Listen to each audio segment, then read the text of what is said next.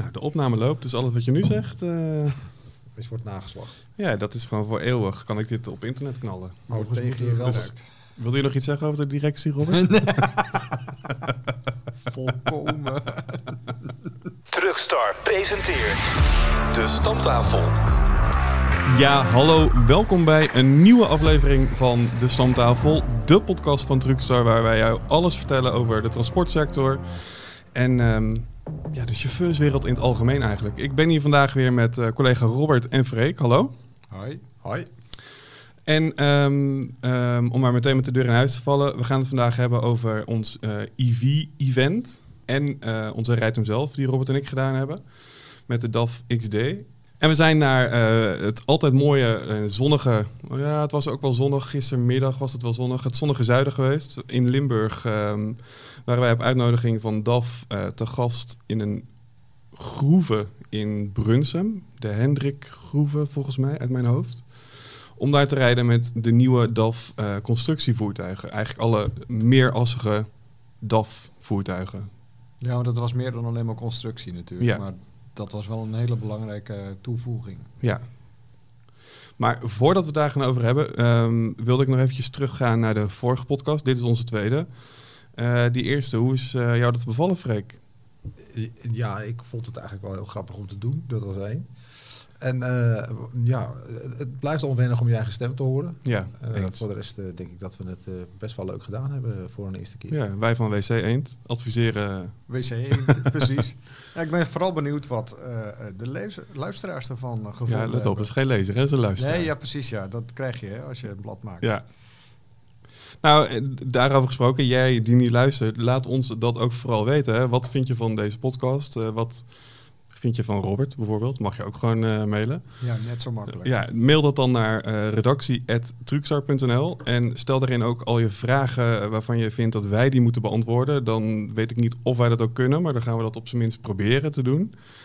En uh, ja, jij maakt ook onderdeel uit van deze podcast. Dus laat weten wat jij ervan vindt. En um, ja, ja, Zoals ik zei, mail dat dus naar redactie.truxar.nl. Ja, en laat ook weten waar we het eventueel over moeten hebben. Precies, onderwerpen, tips, tricks. Uh, wat doen we goed, wat doen we slecht? Moet het langer, moet het korter? Het is voor ons allemaal nieuw. Jij bent misschien wel een ervaren podcastluisteraar, dus laat het ons ook weten. Hè. Dan maken we met elkaar deze geweldige Truckstar podcast. Overigens betekent dat ook dat wij best wel externe mensen ook een keer kunnen uitnodigen om hier iets te vertellen over iets technisch of iets anders. Zeker, dat lijkt me ook leuk. Maar terug naar het nu. Het EV-event. Freek, waarom hebben wij dat in het leven geroepen? Nou, je hoort er heel veel over. Je leest er heel veel over. Iedereen heeft de mond ervan vol. Uh, alle fabrikanten zijn druk bezig om dit soort auto's uh, op de markt te zetten. De overheden vinden dat we, daar, uh, ja, dat, we dat heel snel moeten gaan doen allemaal. Um, maar eigenlijk heeft de, de, gebruiker, in dit geval dan de chauffeur, er maar heel weinig kennis van kunnen nemen. En wij dachten, dit is toch voor het, zou een mooi moment zijn om mensen een keer te laten proeven aan het rijden met een elektrisch voertuig. En uh, dat idee was er vorig jaar al. We hebben uh, het jaar daarvoor hebben we een, uh, een E-special gemaakt. En vorig jaar was het idee, we gaan rijden met elektrische auto's. En dat is er niet van gekomen, want ze waren niet beschikbaar. Nee. En nu waren er wel een aantal. Ja. Dus we hebben vier merken gevonden die bereid waren om, om auto's ter beschikking te stellen. Ehm, en uiteindelijk uh, hebben we het in heel korte termijn hebben we het geregeld. En, ja. uh, en waren er 70 plekken en die waren in no time waren die, uh, gevuld door mensen. Dus ja. de interesse is er zeker. Wat was jouw zeg maar, idee, Freek, dat jij dacht van, nou, weet je, dit is misschien, ja, weet je, de chauffeurs die zich voor hadden opgegeven en dus kwamen rijden.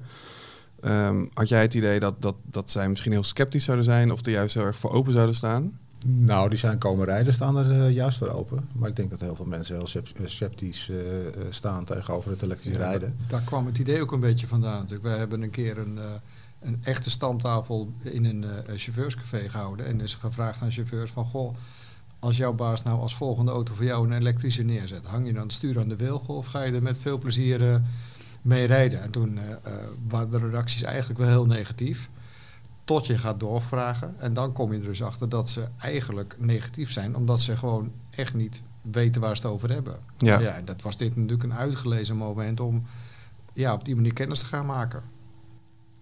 Ja, ik weet, eh, collega Bert eh, vandaag niet bij deze opname, maar was wel bij, eh, bij het elektrisch rijden evenementje. Die heeft ook alle chauffeurs na afloop nog even gevraagd van, nou, hoe is het je nou bevallen? En wat hem ook opviel was dat, dat eigenlijk iedereen daar toch eh, wel positief over was. Hè? Als je puur kijkt naar, naar alleen het rijden, dus het comfort, eh, ja, de trekkracht natuurlijk van zo'n elektrische truck. Want dat is, werkt toch iets anders dan bij een eh, dieseltruck. Je hebt natuurlijk je power meteen tot je beschikking. Het negatieve zit hem dan alleen, dat zeiden ook de meeste chauffeurs, in het laden en de actieradius op dit moment. En dat ja, ondervonden wij eigenlijk ook met het organiseren van de dag. Nou, kijk, die fabrikanten hebben natuurlijk over het algemeen hele mooie producten neergezet. Het rijdt eigenlijk allemaal super. Ja, Eh, accu's, daarvan weet natuurlijk iedereen dat uiteindelijk gaat het om de capaciteit. Hoe ver kun je komen?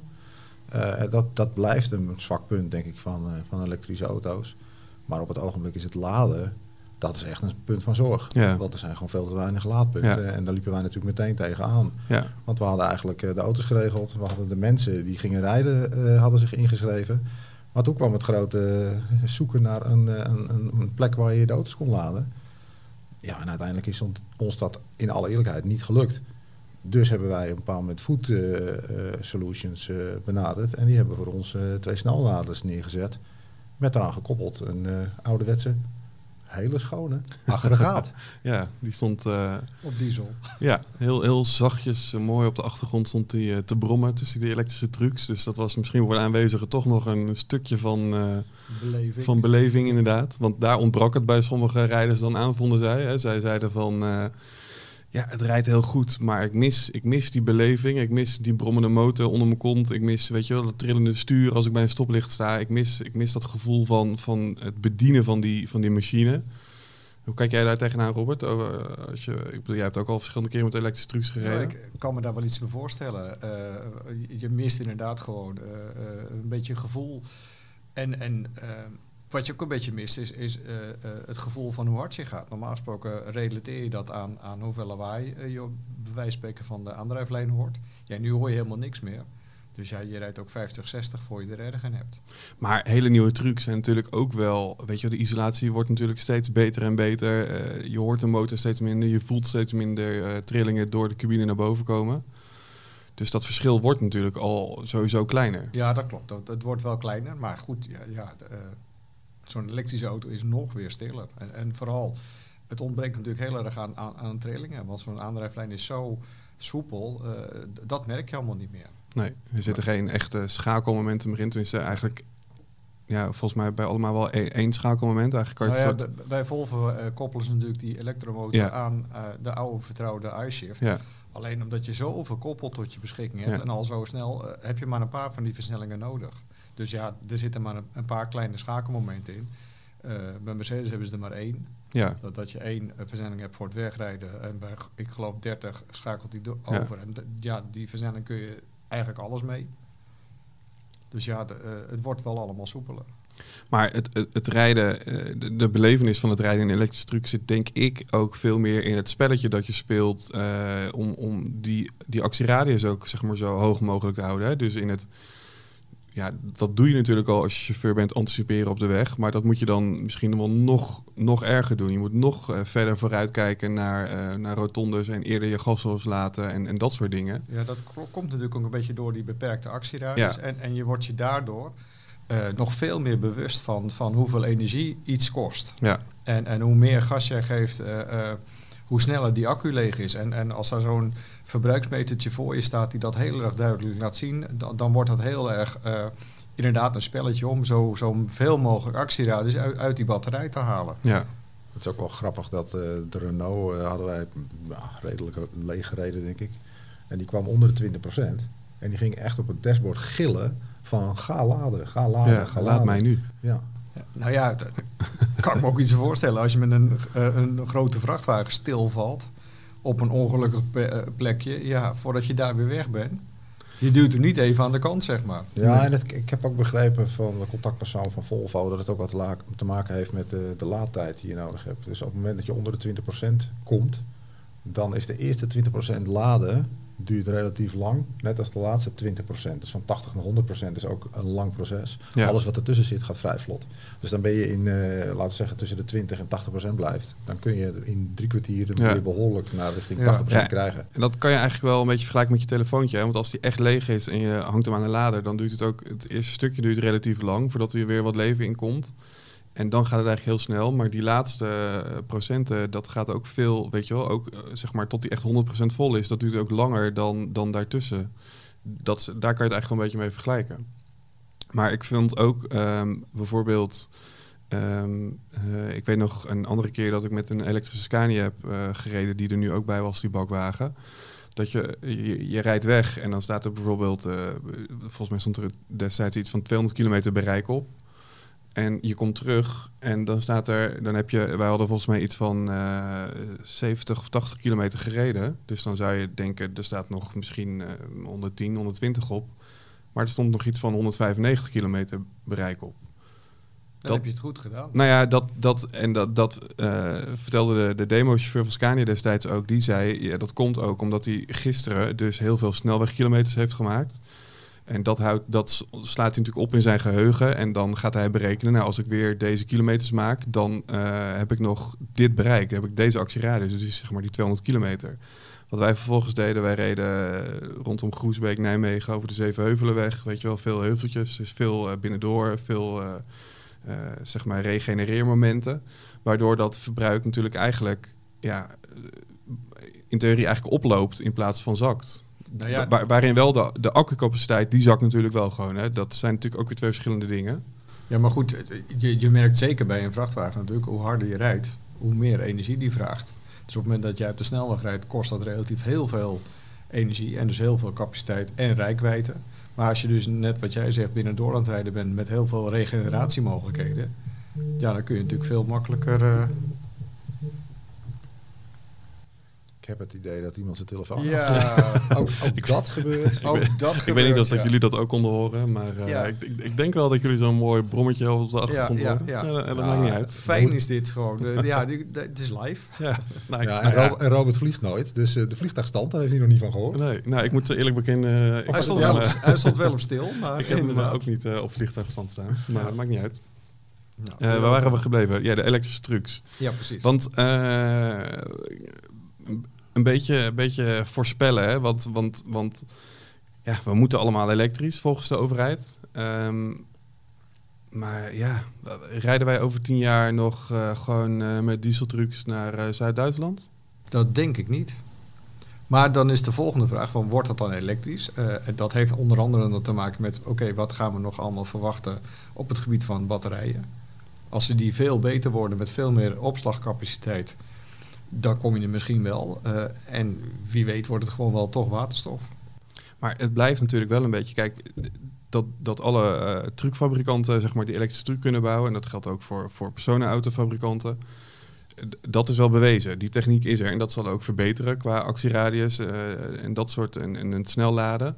Maar het laden op zich, de laadinfrastructuur, dat, dat, gaan we, dat gaan we toch in- binnen de... de Ik, ik denk dat we het in tien jaar niet gaan redden. nee, ik, ik, ik vrees daar ook een En, beetje en voor. regionaal geloof ik nog wel enigszins in. Ik bedoel, ik kan me voorstellen dat jij eh vuilnis rijdt of dat je Ja. winkeldistributie doet in de regio, dat je dat best redt met 300, 400 kilometer. Ja, Eh, vergis overigens niet in het feit dat er dan ook nog een koelmotor aan moet, dat er misschien nog een elektrische PTO op moet, dat in de winter je kachel aan moet. Nou, er komen heel veel dingen bij. Ik denk dat regionaal dat dat gaat lukken. Middellange afstand wordt al een tour en lange afstand wordt natuurlijk een drama.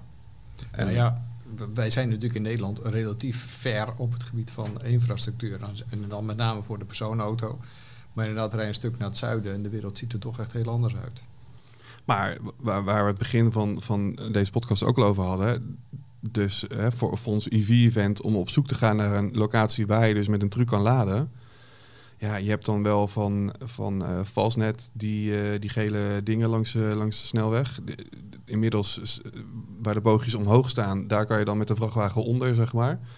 Maar het is niet ingericht voor een truc. Je kan daar niet volgeladen met een truc bij een laadpaal gaan staan. Hij, past wel in theorie, zeg maar, qua Ja. hoogte. Maar in de praktijk moet je Nee, door allerlei met- met en zo. inderdaad. Dus dat ga je allemaal niet redden. Dus de enige laadpalen die er nu fatsoenlijk zijn, zeg maar, die staan bij DC's. Ja, Maar ja, dat is eigenlijk afgesloten terrein. Dus op het moment dat jij daar komt en je hoeft daar niet te zijn, ja, de vraag is, mag je dan gebruik maken van zo'n paal? En bovendien, eh, is die überhaupt leeg? Ja. Of beschikbaar? Ja, en dat is natuurlijk het volgende. Hè. Als we straks heel veel elektrische trucks hebben staan. ehm, ja, als er dan eh, vijf laadpalen ergens op een parking staan. En daar staan vijf elektrische trucks te laden. En jij komt als eh, nummer 6, 7, 8 en 9 aan. eh, ja, dan sta je alsnog misschien twee of drie uur te wachten voordat je vol bent. Ja, zomaar. En je zit toch met je, met je, met je rijuren Ja. en, en met je werktijd natuurlijk. Ja. Dus eh, daar zitten wel beperkingen op. Dus, dus ja, dus ik denk inderdaad dat we toch con- con- concluderen dat het rijden op zich eh, ja, gewoon heel goed is. En dat bevalt ons volgens mij allemaal wel. En ik denk, als je naar die dag van ons kijkt, dat er eigenlijk alle chauffeurs daar positief over zijn. Die gereden hebben in ieder geval. Maar ja, dat het toch nog een beetje... Nou ja, misschien eh, eh, heeft de oplossing, zeg maar, die ze onder andere bij Scania nog eens bedacht hebben. Met zo'n pantograaf. Gewoon hup aan de bovenleiding. Ja, maar gaan we dan overal bovenleiding boven de snelweg maken? Ja, nou ja, ja. dat zie ik ook niet zo snel gebeuren. Maar ja, er zijn teststukjes in zowel Duitsland als, als Zweden waar ze, waar ze Ja. dat al wel gedaan hebben. En waar ze daadwerkelijk ook met die techniek aan het testen zijn. Ja. En ja, dat eh, is natuurlijk heel eh, onpopulair om te zeggen. Maar ik vind het eh, eigenlijk gewoon... eh, ja, wat is er mis met diesel? Ja, eigenlijk niks. Het is toch heel efficiënt ook, hè? Diesel. Ja, t- als, je, als je over de laatste 20, 30 jaar kijkt wat een vooruitgang daar geboekt is, ja, is het eigenlijk een super efficiënte eh, verbrandingsmotor. ja. Alleen ja, eh, eh, het, het imago is inmiddels eh, behoorlijk om zeep geholpen. Eh, bij vrachtwagens valt dat nog mee, maar een persoonauto met een dieselmotor, ja, die wil niemand meer hebben. Nee. Ja, het blijft natuurlijk eh, lastig, want uiteindelijk eh, er is niemand op dit moment die precies weet hoe het gaat zijn. En dat maakt het ook, vind ik persoonlijk wel weer een hele leuke tijd, omdat er gewoon, ja, er komen veranderingen aan, dat weten we allemaal, maar wat het precies is, dat, dat weet niemand. En dat is natuurlijk voor ons als, eh, nou ja, trucjournalisten is dat wel, is dat gewoon wel leuk. Is dat wel een leuke, vind Ja, ik het het- wel een leuke tijd. Zeker, het is een hele interessante tijd. Er Ja. gebeurt zoveel. En inderdaad, net wat je zegt, wat het uiteindelijk gaat worden, weet nog niemand. Dat is voor fabrikanten natuurlijk ook wel heel ingewikkeld. Want die moeten eigenlijk op alle paarden wedden. Ja. Die moeten overal in investeren. En dat is best een tour. En dat hoort toch ook echt bij alle fabrikanten. Hè? Dat ze, kijk, elektriciteit, een elektrische aandrijflijn is misschien relatief makkelijk te implementeren in je voertuig. Eh, maar waterstof, dat vraagt natuurlijk weer iets meer techniek, dat is iets meer zeg maar, gedoe. Maar het is niet dat er is eigenlijk geen fabrikant die daar niks mee doet. Al is het achter de schermen misschien, weet je wel. Daar treden ze er niet mee heel erg mee naar buiten, maar ze zijn er allemaal wel mee in ontwikkeling. Ja, omdat gewoon inderdaad niemand weet wat nou uiteindelijk eh, het meest efficiënte gaat zijn. En ook ja, wa- waar op een gegeven moment de infrastructuur voor is. Want jij hebt wel eens met een waterstoftruck gereden, Robert. Ja, Want klopt. is dat dan weer heel anders? Want ik, ik heb dat bijvoorbeeld nooit gedaan, maar is dat dan weer heel anders dan een dieseltruck? Of een eh, elektrische truck, sorry? Nee, het, het grappige is dat je natuurlijk eigenlijk al twee manieren hebt waarop je de waterstof kunt gebruiken. Wij hebben met een DAF gereden die een, eigenlijk een verbrandingsmotor eh, had die gevoed werd door waterstof. En dan voelt het een beetje alsof je met een LNG-auto rijdt. Dus het, het, het dieselgevoel ontbreekt een beetje, maar het is meer benzine. En dat reed eigenlijk heel goed. Maar je hebt ook eh, de versies zeg maar, waar eh, de brandstofcel eh, in zo'n auto zit. En die brandstofcel wordt dan gevoed door het waterstof. En die brandstofcel zet die waterstof om in elektriciteit, waarmee dan weer een elektromotor wordt aangedreven. En dat rijdt eigenlijk exact hetzelfde als een auto die alleen maar met accu's Ja. gevoed wordt. Ja. Over rijden gesproken. We hebben onlangs in een DAF XD gereden. Wat was daar eh, de aanleiding voor, eh, Robert? Nou ja, eh, dat is een nieuw model van DAF. En eh, die hadden we eigenlijk alleen nog maar een keer bij de introductie kort meegemaakt. Nou ja, en bij de introductie kun je maar, maar relatief kort rijden met zo'n auto. Het is echt een kennismaking. En nu hadden we een demo ter beschikking waar we echt een paar dagen ja, voor een rijd hem zelf op pad konden. Om eens te ervaren hoe dat nou is, zo'n auto, in de praktijk. Ja, en eh, DAF had ons gekoppeld aan eh, Pleging uit ehm Eersel. Eersel, ja. Ja. Langs de snelweg. Ik zie ze, ik zie ze nog. eh, ik, ik weet ze inmiddels precies. Ik was er al heel veel keren voorbij gereden, nooit gezien. Maar dat zal ik nu niet meer vergeten. Ehm, maar ja, wat is dat voor een transportbedrijf? Wat, wat vervoeren zij precies? Ja, het is een familiebedrijf. Ze vervoeren eigenlijk van alles. Eh, ze zitten in, in de frisdranktransport, maar ze doen ook heel veel eh, speciaal transport. Eh, we zagen op een gegeven moment ook een paar opleggers staan waar, waar grote bomen achterop lagen. Nou ja, wij zijn uiteindelijk met allerlei staal- en zinkproducten onderweg geweest. Ja, en het was wel, op een gegeven moment hadden we een, gewoon een open oplegger waarmee we een brugdeel moesten ophalen. Net over de grens in België en dat moest dan naar Werkendam. En ja, dat brugdeel, dat moesten wij natuurlijk ook eh, vastzetten. En ehm, ja, dat hadden wij allebei eigenlijk nog nooit gedaan. Hè. Eh, ja, met zo'n open trailer, met, met spanbanden dat ding vastzetten. Ik vond dat nog wel een beetje spannend, eerlijk gezegd. Span. Spannend. Nunt, Ja. ja. Nee, maar dat, dat was het ook. Maar goed, gelukkig eh, waren ze bij pleging wel heel meewerkend. We hebben van tevoren ook wel wat advies gekregen hoe we dat het beste konden doen.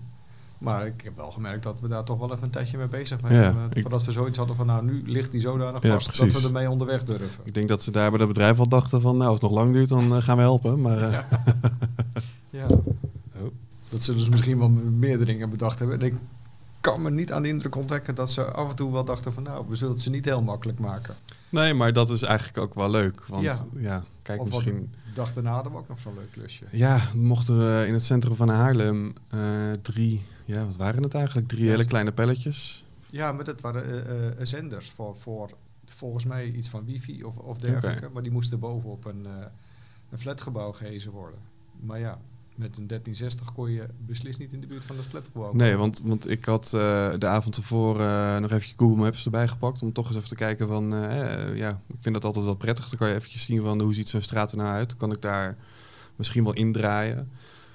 We hadden bedacht dat dat misschien toch wel zou kunnen via Google Maps de avond ervoor. Street View hadden we ook gezien. Ja, maar de volgende ochtend, eh, toen we dus voor die straat stonden, bleek dat toch iets anders eh, te zijn dan eh, Street View, zeg maar. Nou ja, de, de geparkeerde auto's stonden niet op Ja. Street View. Nee, dat maakt een hoop verschil, kan ik je Ja, vertellen. nogal, ja. ja. En dan heb je vervolgens de uitdaging om in het centrum van Haarlem...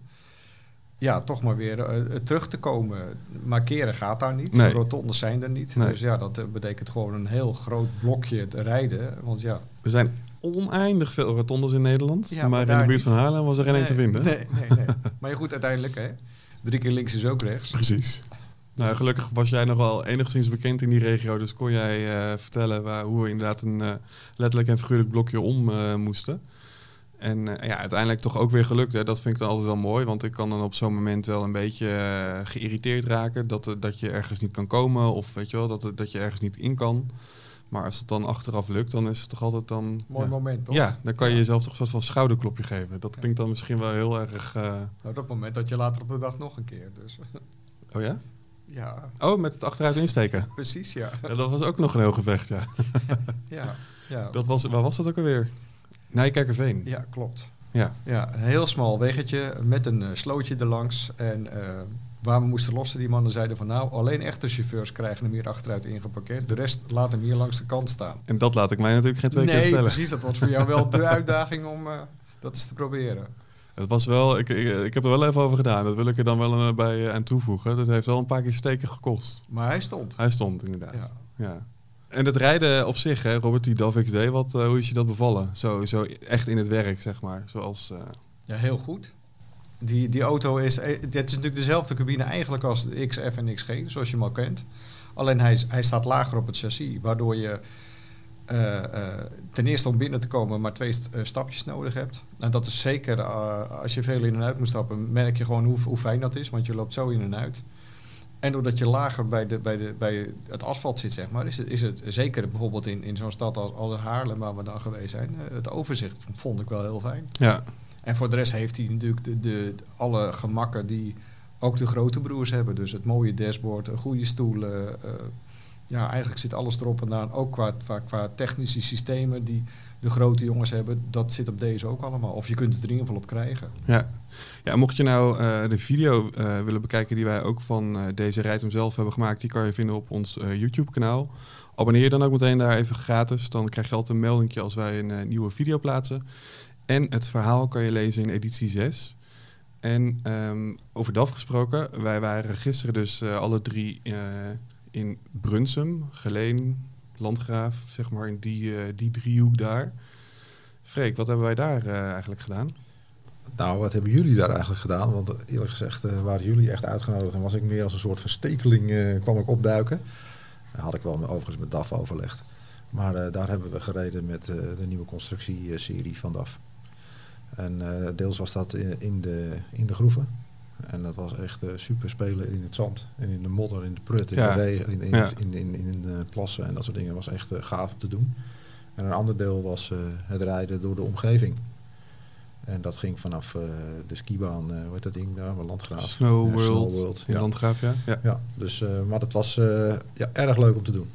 Ja, ik weet inderdaad, die auto's stonden allemaal s ochtends vroeg op de parkeerplaats bij Snow World. En het waren volgens mij elf eh, trucks in allerlei verschillende configuraties.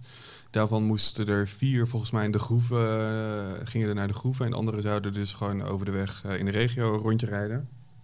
En ik dacht meteen, ik ga... Je ziet het aan zo'n DAF die de groeven in moet, want die, dat, is, hè, dat is de nieuwe de XDC en de XFC, waarin C dan staat voor constructie. Eh, en die staan inderdaad hoger op hun poten. Die hebben een, eh, een, bumper met een, met een hellingshoek van 45 graden en echt een stalen bumper. Dus je ziet ook meteen van, nou dat zijn eh, andere voertuigen dan, dan de rest. Dus ik dacht meteen, nou laat ik die pakken, want dan gaan we meteen de groef in. Ja, had ik nog nooit gedaan. Een beetje door die, door die zand, klei en bagger spelen, scheuren, crossen. Dus dat leek me wel leuk om te doen.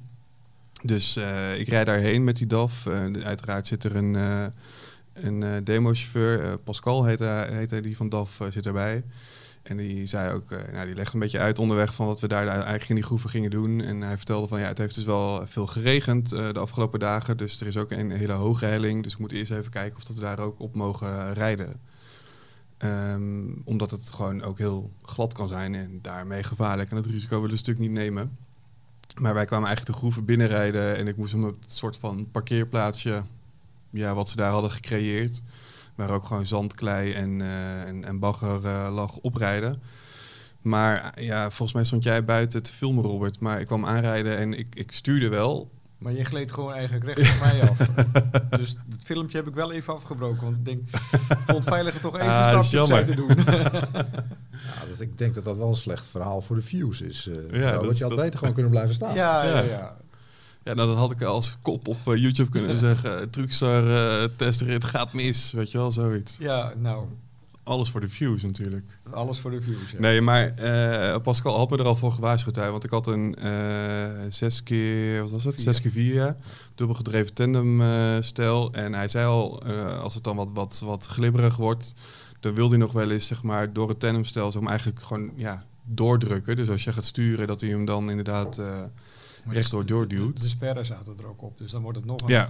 een, een straf, straffer geheel, zeg maar. Dan Ja. die wil eigenlijk alleen maar rechtdoor.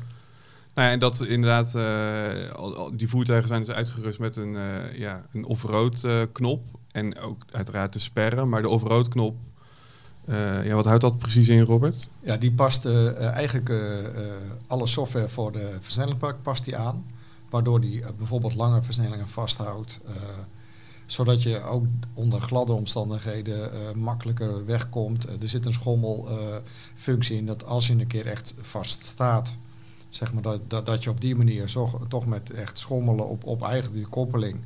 Maar dat doet hij dan helemaal automatisch toch kan proberen om, om ook daar weer uit te komen.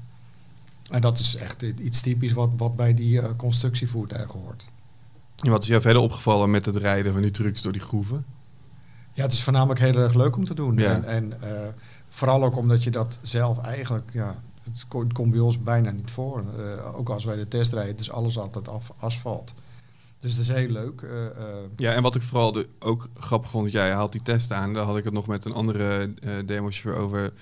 Die zei op een gegeven moment, ja, je moet het gaspedaal 70% intrappen. En ja, dus ik keek hem een beetje, denk ik, met, met, met verbaasde blik aan van, ja, wat bedoel je nou, wat is nou 70% je gaspedaal? Ik snap wat 70% is, maar hoe weet je nou, wat is nou 70% Ja, je- je- van je gaspedaal? je, kent, je kent die auto niet, dus, dus eh, je zou bij wijze van spreken veel langer met die auto moeten rijden voordat je Ja. echt kan, daadwerkelijk kan aanvoelen van nou oké, dit is 70%. Ja, Want ja, inderdaad, eh, trap je hem iets, iets dieper in, dan schakelt hij op. nou, dat is het. Je moet hem dus Op het moment dat je dat eigenlijk niet wil. nee, hoog in de toer houden en eigenlijk voor het schakelpunt, zodat je gewoon met veel...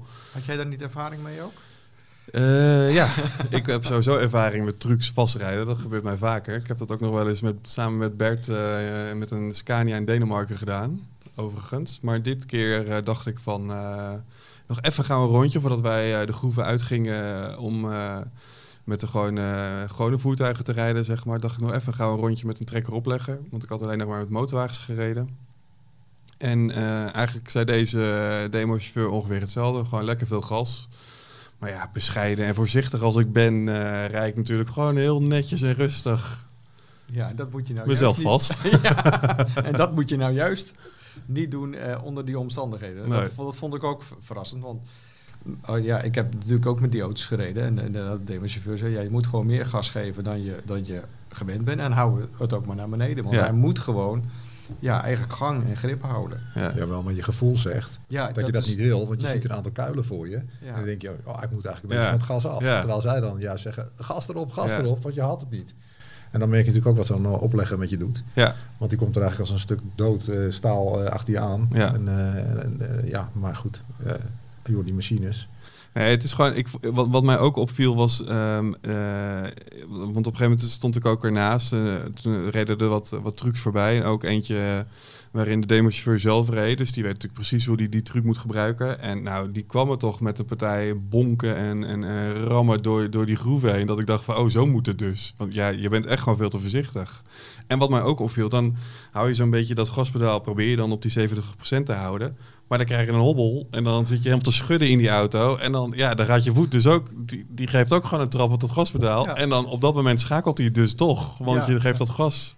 Ja, dus het is echt eh, een vak apart. Dat is me wel opgevallen. Nou ja, dat sowieso. Ik denk, denk dat rijden in zand, maar dat zullen de, de luisteraars zeg maar, die daar dagelijks met zo'n zandauto rijden wel beamen. Want dat is een vak apart. Ja, en die, die kennen natuurlijk hun eigen voertuig. Die weten pre- precies eh, ja, hoeveel gas ze moeten geven om door welk kuiltje te komen. Ja. Of, of, of ja, weet je, wanneer ze moeten remmen of niet. En we hadden bijvoorbeeld ook, ik weet niet of jullie het ook hebben gedaan, die helling op achteruit. Ja. Ja, ja, ja, ik ben ook achteruit de helling op. Ja, en op een gegeven moment zei de, bij mij van, van nou, je mag hier de motorrem wel gebruiken met hem weer naar beneden laten rollen. Ja. Hij, maar hij zei ook van ja, dat zullen veel chauffeurs in de praktijk niet doen. Want ja, als hij dan natuurlijk gaat glijden op een motorrem, dan remt hij natuurlijk alleen de, de, de achterassen, de aangedreven as. En dan, ja, dan wil, kan hij natuurlijk gaan scharen. Dus hij zei in de praktijk weet ik niet of dat nou echt chauffeurs ook een, zoiets zouden doen met een motorrem, zeg maar. Nee, gewoon laten rollen, denk ik. Ja, en een beetje, en een beetje bijremmen denk Ja. ik met de voet. Als het moet. Ja. Ja, ik wou zeggen, want het was een redelijke stijle hand. Ja, dat was wel heel stijl. Ja. Je Ja, kon, je, kon je hem niet laten rollen. Dan stond je weer aan de berg voor je Ja, bovenop, ja. denk ik. Ja, en je moest volgens mij ook rechts een, een, een bochtje om. Dus eh, Ja, als je beneden beneden, aan, ja. beneden aankwam. Dus dat, eh, Maar het was echt, eh, ja, wij zeggen dat geks- gekscherend onderling wel eens eh, buiten spelen.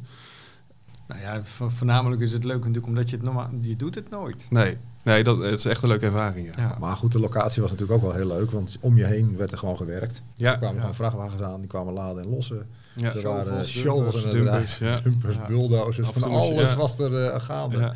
En dan zie je ook het gemak waarmee eh, die mannen allemaal hun, eh, hun werk doen. Ja. Eh, omdat ze daar enorm ervaren in zijn.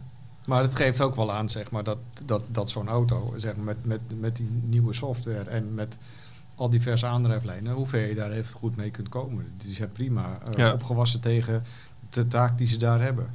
Ja, en, en met deze zeg maar, eh, ja, bouwvoertuigen, meer assige voertuigen, wil DAF ook wel echt eigenlijk een eh, ja, groter marktaandeel krijgen in het segment. Hè?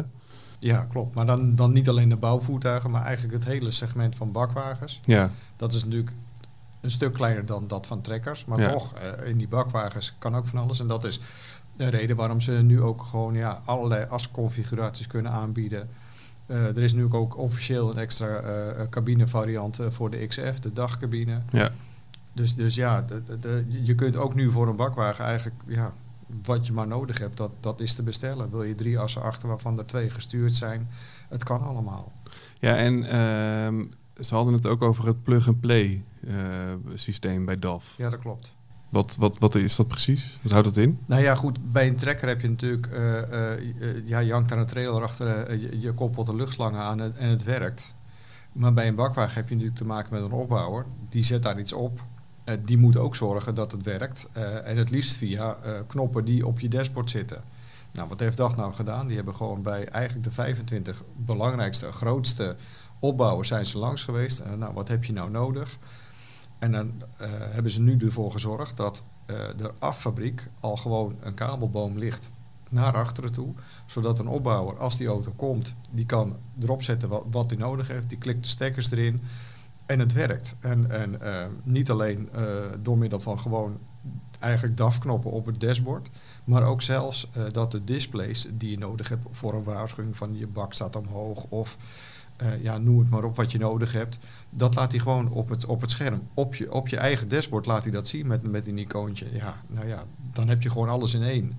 En, en ja, eigenlijk ook eh, in principe altijd de garantie dat het werkt. Ja. Nou ja, en dat scheelt natuurlijk eh, heel veel gepingpong tussen dealers, fabriekdealers en, en opbouwers. Ja, Want het is behoorlijk gesta- gestandaardiseerd. Ja, want eh, waar je normaal, als je zo'n truc aflevert bij de klant eh, en het blijkt toch iets niet te werken, dan gaat zijn auto weer terug. Is zo'n klant eigenlijk niet helemaal blij, want die heeft heel veel geld geïnvesteerd in een auto waar er dan toch iets niet werkt. Daar hou je geen prettig gevoel aan over. Ook al zal het ongetwijfeld heel goed opgelost worden. Het feit dat hij weer terug moet, Ja, Ja, dat, dat is is niet gewoon prettig. Nee. En in dit geval, dat zei ze bij DAF ook, van, eh, normaal gesproken gaat zo'n auto van de, van de fabriek eerst naar de dealer. Die moeten dan het nodige aan doen om te prepareren voor de opbouw. Dan pas gaat hij naar de opbouwer. Ja, dat, dat tussenstukje kun je overslaan. Dus hij gaat van de, de fabriek met alle voorbereidingen er al op direct naar de opbouwer. Die kan heel snel zijn ding doen.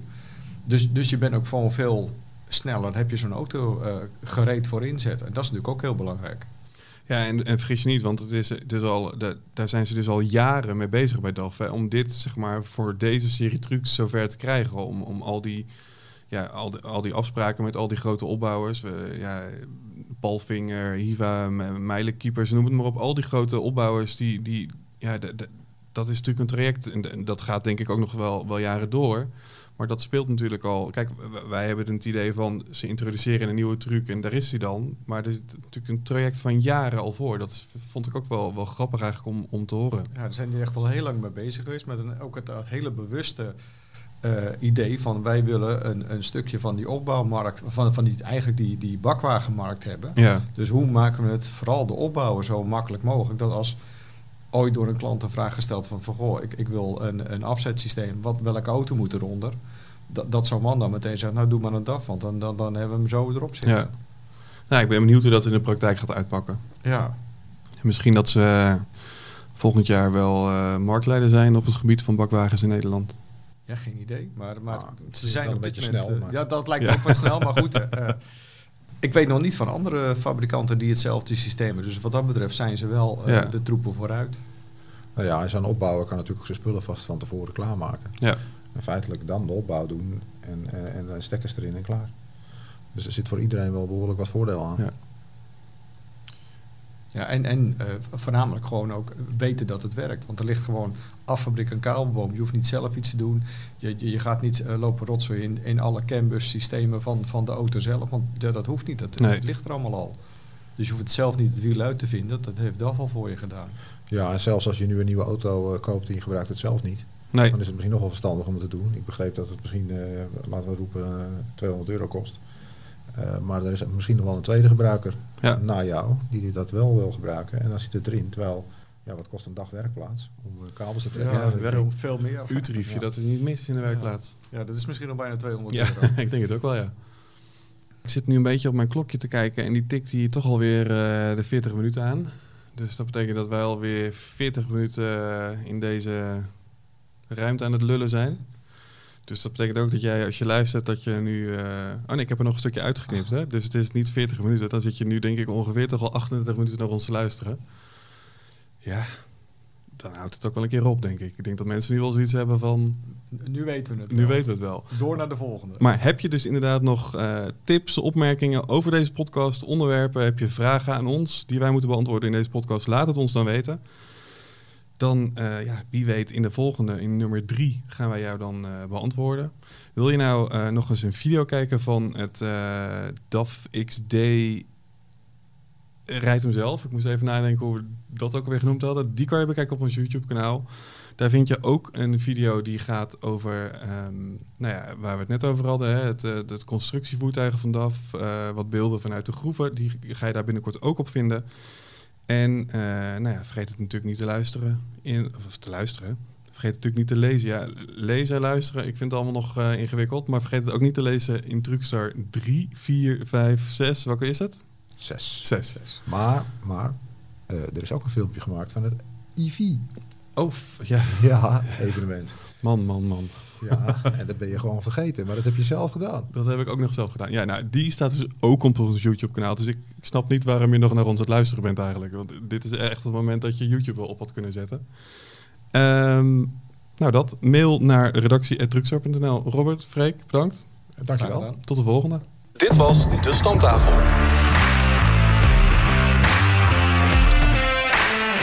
Mooi man.